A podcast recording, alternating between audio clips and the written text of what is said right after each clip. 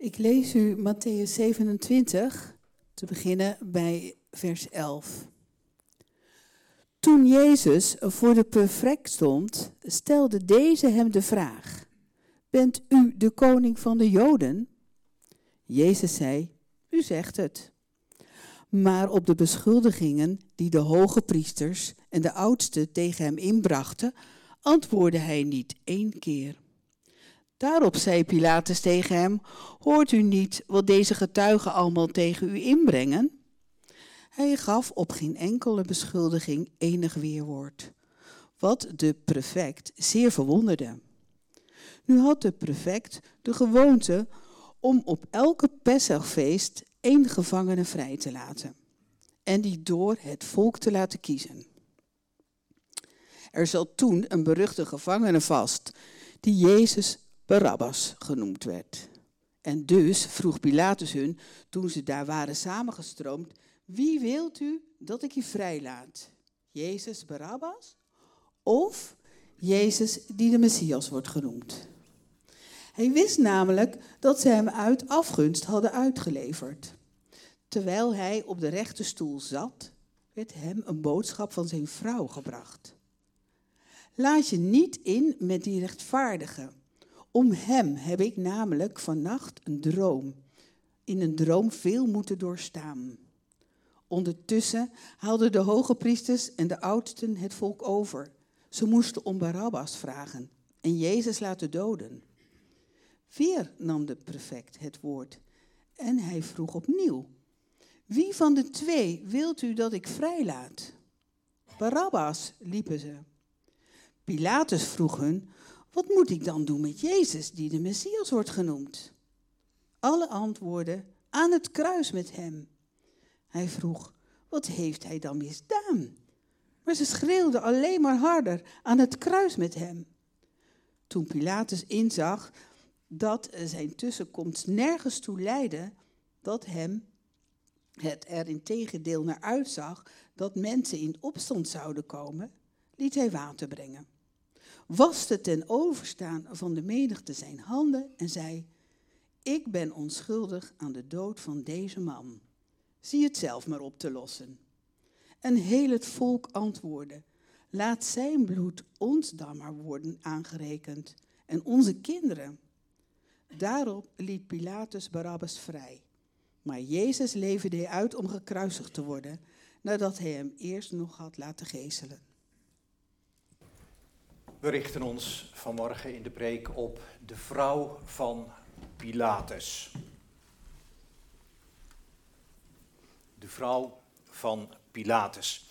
En straks na de preek zingen we uit Weerklank nummer 439. Heer, u bent mijn leven.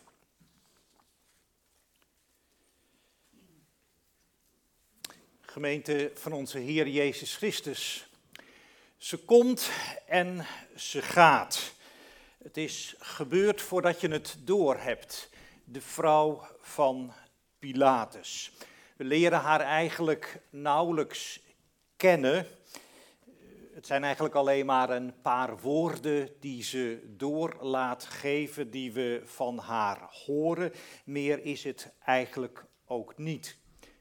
En die paar woorden, die paar woorden, die zullen ook amper tot ons door kunnen dringen, denk ik. Zo snel gaat het allemaal voorbij. En haar naam kennen we niet.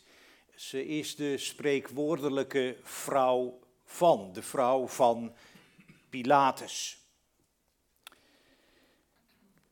We zouden kunnen denken, ja, zou het eigenlijk niet gewoon zonder kunnen? Wat heeft dat nou voor zin om deze episode hier in het evangelie op te voeren? De andere evangeliën kennen de vrouw van Pilatus niet, zo belangrijk is ze dus kennelijk ook niet. Maar hier hier moet ze toch voor het voetlicht komen. Wat heeft Matthäus ertoe gebracht om dat te doen? Om er toch voor te kiezen dit korte stukje uit de lijdensgeschiedenis van Jezus op te nemen. Nou zou je natuurlijk kunnen zeggen, als je het bekijkt als een verhaal, een spannend verhaal. Wat gaat er gebeuren met deze Jezus? En als je het verhaal niet kent of amper kent, zoals vaker eigenlijk elk verhaal, elk verhaal heeft iets van vertraging. Elk verhaal, elk goed verhaal heeft iets van uitstel. Dat je toch nog niet weet wat er gaat gebeuren. In die zin spannend. Maar dat kan het toch niet zijn? Dat kan het in zichzelf toch niet zijn dat Matthäus ervoor kiest om deze woorden op te nemen. Het heeft zin en het heeft betekenis dat Matthäus de vrouw van Pilatus naar voren schuift. Want de vraag die het hele Leidensevangelie eigenlijk oproept, is deze. Hoe kan het toch? Hoe kan het toch dat een onschuldig mens, iemand die geen zonde heeft begaan, die geen kwaad heeft gedaan, hoe kan het toch dat zo iemand toch veroordeeld, toch ter dood wordt gebracht? Hoe kan het dat Jezus als de zoon van God dit diep treurige lot moet ondergaan? En het curieuze is, zo zullen we ontdekken dat in zekere zin de vrouw van Pilatus daarop het antwoord geeft.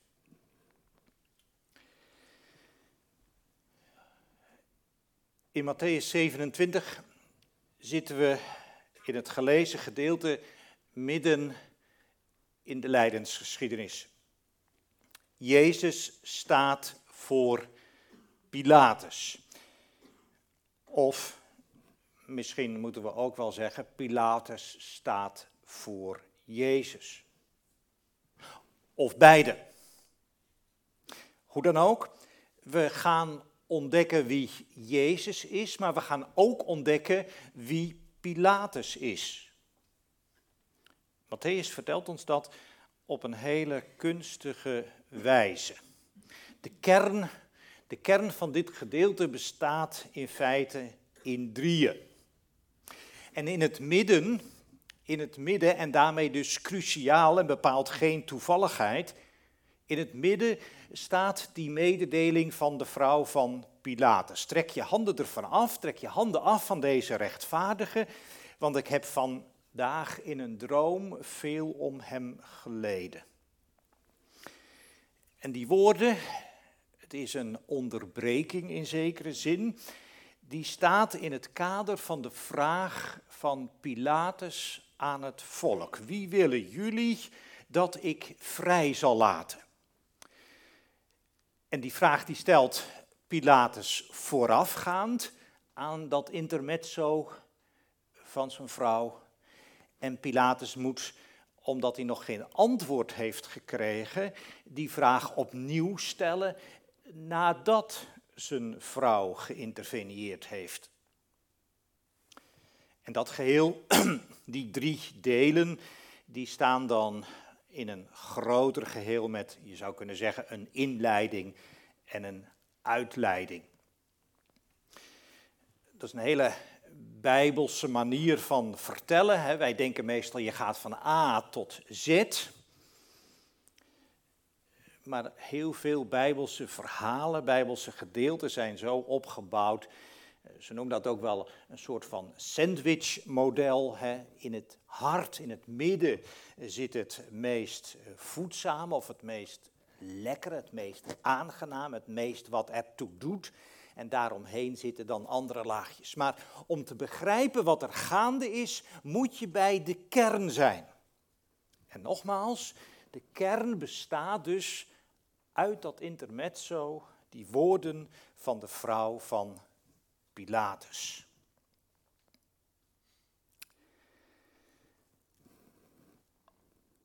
Als we wat beter naar het Leidensevangelie kijken, dan valt zeker bij Matthäus op dat Pilatus het eigenlijk heel goed voor heeft met Jezus. Het begint dan dat gesprek met die vraag: Bent u koning der Joden? En Jezus die antwoordt dan: U zegt het. En heel veel meer gaat hij niet zeggen. En als dan verschillende getuigen optreden die tegen Jezus getuigen, dan probeert Pilatus hem als het ware aan het praten te krijgen. Verdedig je nou toch zelf? Doe nou toch wat? Er zit bijna iets in van een bepaalde wanhoop van Pilatus, die Jezus daar voor zich ziet staan, die ja, om wat voor reden dan ook het idee heeft, hier is iets anders aan de hand. Dit is niet eh, de gewone misdadiger die ik normaaliter voor me heb. Ik weet niet precies wat er gaande is, maar er klopt iets niet. Verdedig je, maar Jezus verdedigt zich niet. En dan, dan springt Pilatus een andere gedachte te binnen. Dan richt hij zich tot het volk. En dan is de vraag, wie wilt u dat ik zal vrijlaten? Zal het Barabbas zijn of zal het Jezus zijn? En hij gokt erop, ze willen, ze willen Jezus. Ze willen Jezus vrijlaten. In zekere zin zou je kunnen zeggen, ontpopt Pilatus zich hier als populist, als kenner van de volkswil. Er ligt heel veel nadruk op het werkwoord willen.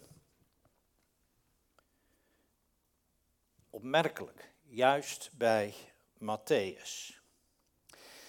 En dat is de manier waarop Pilatus als een heel behendig politicus opereert en ook probeert om de regie te houden. Want wat doet hij? Hij wil het volk laten doen wat hij wil. En hij wil Jezus vrijlaten. Maar hij wil ze laten denken dat hij doet wat zij willen. Dat is nog eens politiek. En we mogen vermoeden dat dat zelfs voor die behendige politicus die Pilatus is, best spannend is geweest. Natuurlijk, hij is een ervaren man, een ervaren prefect. Hij zal dit soort zaken vaker bij de hand hebben gehad. Hij weet wat hij doet, maar toch.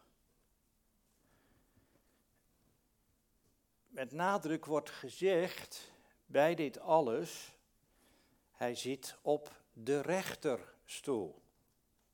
Met andere woorden, alles wat hij doet, heeft op zijn minst de pretentie, wil op zijn minst de indruk wekken dat het recht is wat hij doet, dat hij recht spreekt. En hij is ervan overtuigd dat Jezus niet gevaarlijk is. Nog zo'n subtiel dingetje. Anderen noemen Jezus koning der Joden. En dat is subversief, dat is ondermijnend. Alsof Jezus, wij kunnen hem Heer noemen, maar dat is nou net in die tijd, op dat moment natuurlijk de grote vraag. Wil je hem erkennen als Heer? Als diegene die de regie heeft, als diegene die de touwtjes in handen heeft? Koning der Joden, dat is in die zin ondermijnend voor het gezag, voor een Pilatus, voor een Herodes. Dat is het gezag.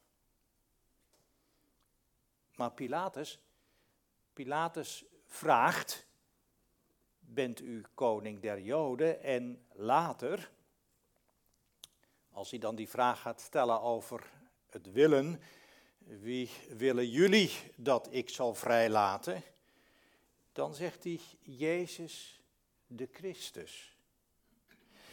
Voor hem is dat zonder betekenis. Maar voor het volk ligt dat misschien toch wel anders. De Christus, de Messias, de lang verwachte, de gezalfde van God, dat loopt wellicht bij het volk iets anders op. De een zal zeggen een vloek, de ander zal zeggen terechte lofprijzing. Nu komt het erop aan. Wie is deze Jezus? Is hij de Messias? Is hij de lang verwachte? Of toch anders? Wie willen jullie dat ik vrij zal laten?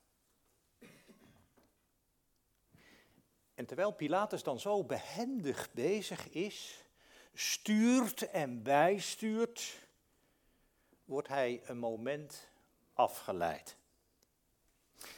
Daar is een briefje, of waarschijnlijker een wastablet, waar mensen een paar woorden in konden schrijven om een boodschap door te geven.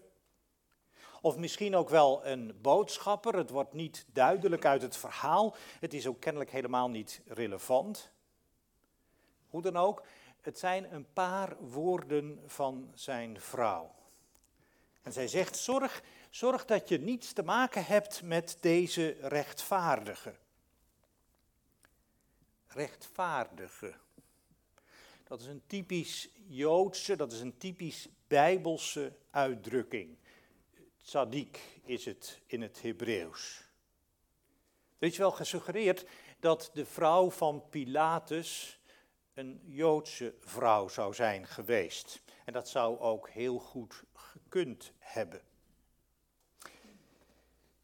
Die rechtvaardige, die rechtvaardige staat dicht bij God. In de Bijbel is de rechtvaardige, eh, we komen hem op allerlei momenten tegen, met name ook in de psalmen. De rechtvaardige, dat is degene die dicht bij God staat, degene die de wet vervult, degene die zich hedenmaal heeft overgegeven aan Gods wil, aan Gods wet, die in die zin ook heel dicht bij God staat. En als deze vrouw dat zo zegt, als deze vrouw dat zo doorgeeft, ja, dan krijgt dat een welhaast profetische lading. Een profeet die wijst terug, consequent terug naar de wet, naar het hart. Zij, deze man, is een rechtvaardig en daarmee is het waar, is het een onderstreepte waarheid. Want Jezus is een rechtvaardige. Hij is rechtvaardig bij uitstek. Hij is degene die de wet ten volle ten einde toe vervult. En ze zegt daarbij, ik heb veel, heden veel om hem geleden. De Bijbelvertaling heeft daarvan gemaakt, ik heb veel om hem moeten doorstaan. Zo kun je het ook zeggen maar daarmee raken de woorden die ze gesproken heeft wel iets van de lading, van een zware lading kwijt. Want er staat het woordje lijden. Ik heb veel om hem geleden.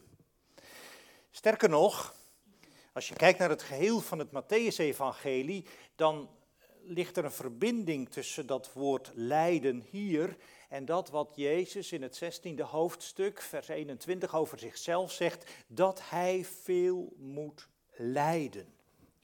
Met andere woorden, op een of andere manier is in die droom, in die droom, de vrouw heel dicht gekomen bij de weg die Jezus gaat. Bij diegene die Jezus is. Hij is een rechtvaardige en ze is zo dicht bij hem gekomen, ze is hem zozeer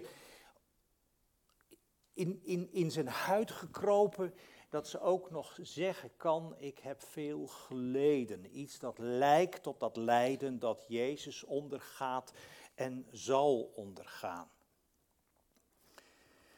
Ze heeft het doorstaan, ze heeft het doorworsteld. Heden, zegt ze. Heden. Dat kun je op verschillende manieren opvatten.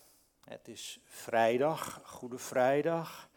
Eh, de avond tevoren is Jezus gearresteerd. Eh, nou, dat zal zo in dat kleine stadje dat Jeruzalem in die tijd was, kleiner dan Nieuw-Vennep heden ten dagen bijvoorbeeld. Eh, die geruchten zullen zo zijn gegaan dat Jezus vastgenomen is, gearresteerd is, vastgezet is, voorgeleid aan het Sanhedrin, geruchten alom, gefluister, gepraat, geklets. Het heeft haar bezig gehouden. Maar ze is vervolgens wakker geworden. Maar wat belangrijker is misschien, ik heb heden veel om hem geleden in een droom. Met andere woorden, hoe gaat dat vaak met dromen? Je droomt s'nachts en je wordt vervolgens wakker. Dus het is niet alleen maar, er is iets dat mij bezighoudt, of ik heb veel doorstaan. Nee, er zit door die droom iets anders in, onder en achter. Want een droom is in het evangelie van Matthäus en op vele andere plekken in de Bijbel. De droom is een plek van openbaring. De droom is een plek van Gods openbaring. Als je kijkt bijvoorbeeld naar Matthäus 2, eh, de wijze, de geboorte ook van Jezus. Jozef krijgt een droom en in een droom is hem gezegd dat hij Maria niet moet verlaten. De wijze wordt in een droom gezegd dat ze niet terug moeten keren langs Herodes, maar langs een andere weg terug naar huis moeten gaan. Jozef krijgt opnieuw een droom en in die droom wordt hem gezegd dat hij moet vluchten, dat hij naar Egypte moet gaan. Droom op droom. En steeds weer blijkt dat God zich manifesteert, dat God zich openbaart in die droom. Het lijkt alsof de mensen willen. Alsof het gaat om menselijke wil. Maar dat is nog maar de vraag. En intussen net op dit moment, net op het moment dat de vrouw van Pilatus bij hem tussen beiden komt, net op dat moment loopt het uit de hand. Pilatus heeft de vraag gesteld: wie willen jullie dat ik vrij zal laten? Hij wordt afgeleid. En in de tussentijd gaan de leiders van het volk rond om het volk te beïnvloeden en ze zeggen kies Barabbas. Niet Jezus, Barabbas. En precies dat gebeurt even later. Het is zoiets van dat Pilatus heeft, oh ja, waar was ik ook alweer? Oh ja, ik had jullie de vraag gesteld, wie willen jullie dat ik vrij zal laten? En hij stelt de vraag opnieuw. En tot zijn grote verrassing net op dat ene moment is het niet Jezus, maar Barabbas geworden. En wat moet ik dan doen met Jezus? Die ander kruisigen. En hij probeert het nog één keer. Hij heeft geen kwaad gedaan. Waarom dan? en opnieuw herhaalt, kruisig hem. En hij kan er niet meer onderuit. Hij kan er echt niet meer onderuit. Hij merkt, als ik nu doorzet, als ik nu doe wat ik wil, ja, dan is het verloren, verloren voor mij.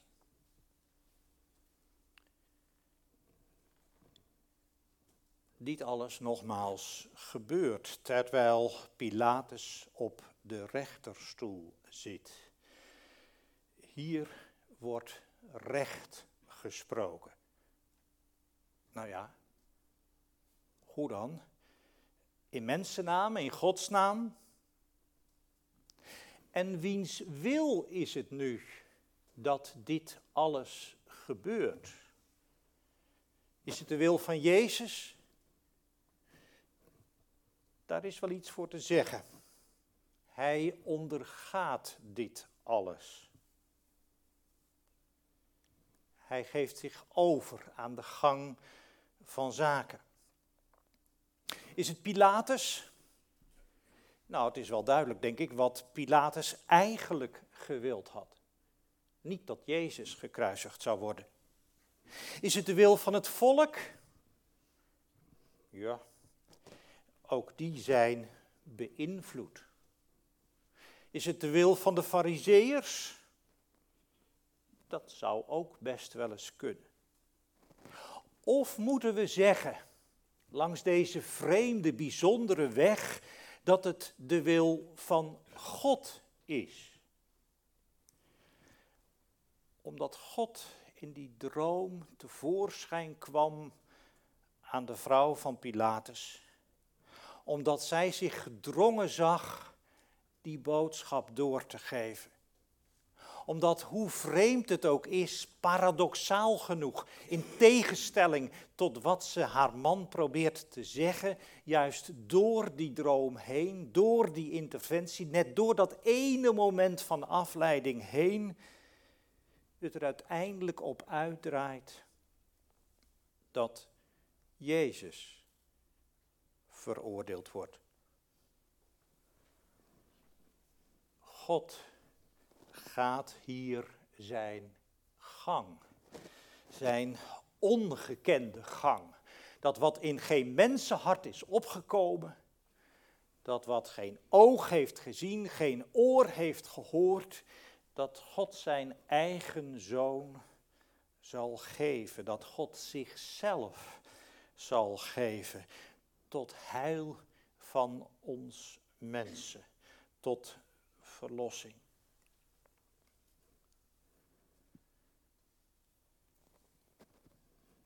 We zouden verwacht hebben dat Jezus zou zijn vrijgelaten.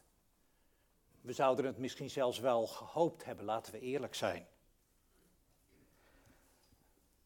Toch treft juist langs deze weg niet zozeer Pilatus oordeel hem, maar Gods eigen oordeel hem. Hij moet sterven. Waarom? Een direct antwoord is hier niet direct te vinden. Het is en blijft weerbarstig. Waarom moest dit toch gebeuren? Bij de Paschaviering, voorafgaand aan deze lijdensgeschiedenis, bij de Paschaviering heeft Jezus bij het delen van de beker gezegd: Dit is mijn bloed tot vergeving van zonde. Zo geeft hij zelf een aanwijzing. Een aanwijzing waarom hij deze weg moet gaan. Mijn bloed tot vergeving van zonde. Hoe dan ook. Al is het voor ons misschien onbegrijpelijk. Al is het voor ons misschien ook weer barstig, al is het voor ons misschien ook worstelen. Waarom moet dit gebeuren? Het moet. Het moest. En de vraag die ik jullie meegeef naar huis vandaag is of je dat inderdaad ten diepste wilt en kunt accepteren. Dat Hij voor jou, ook voor jou, ook voor jouw zonde, geleden heeft en gestorven is, maar ook opgewekt op de derde dag tot een nieuw leven. Amen.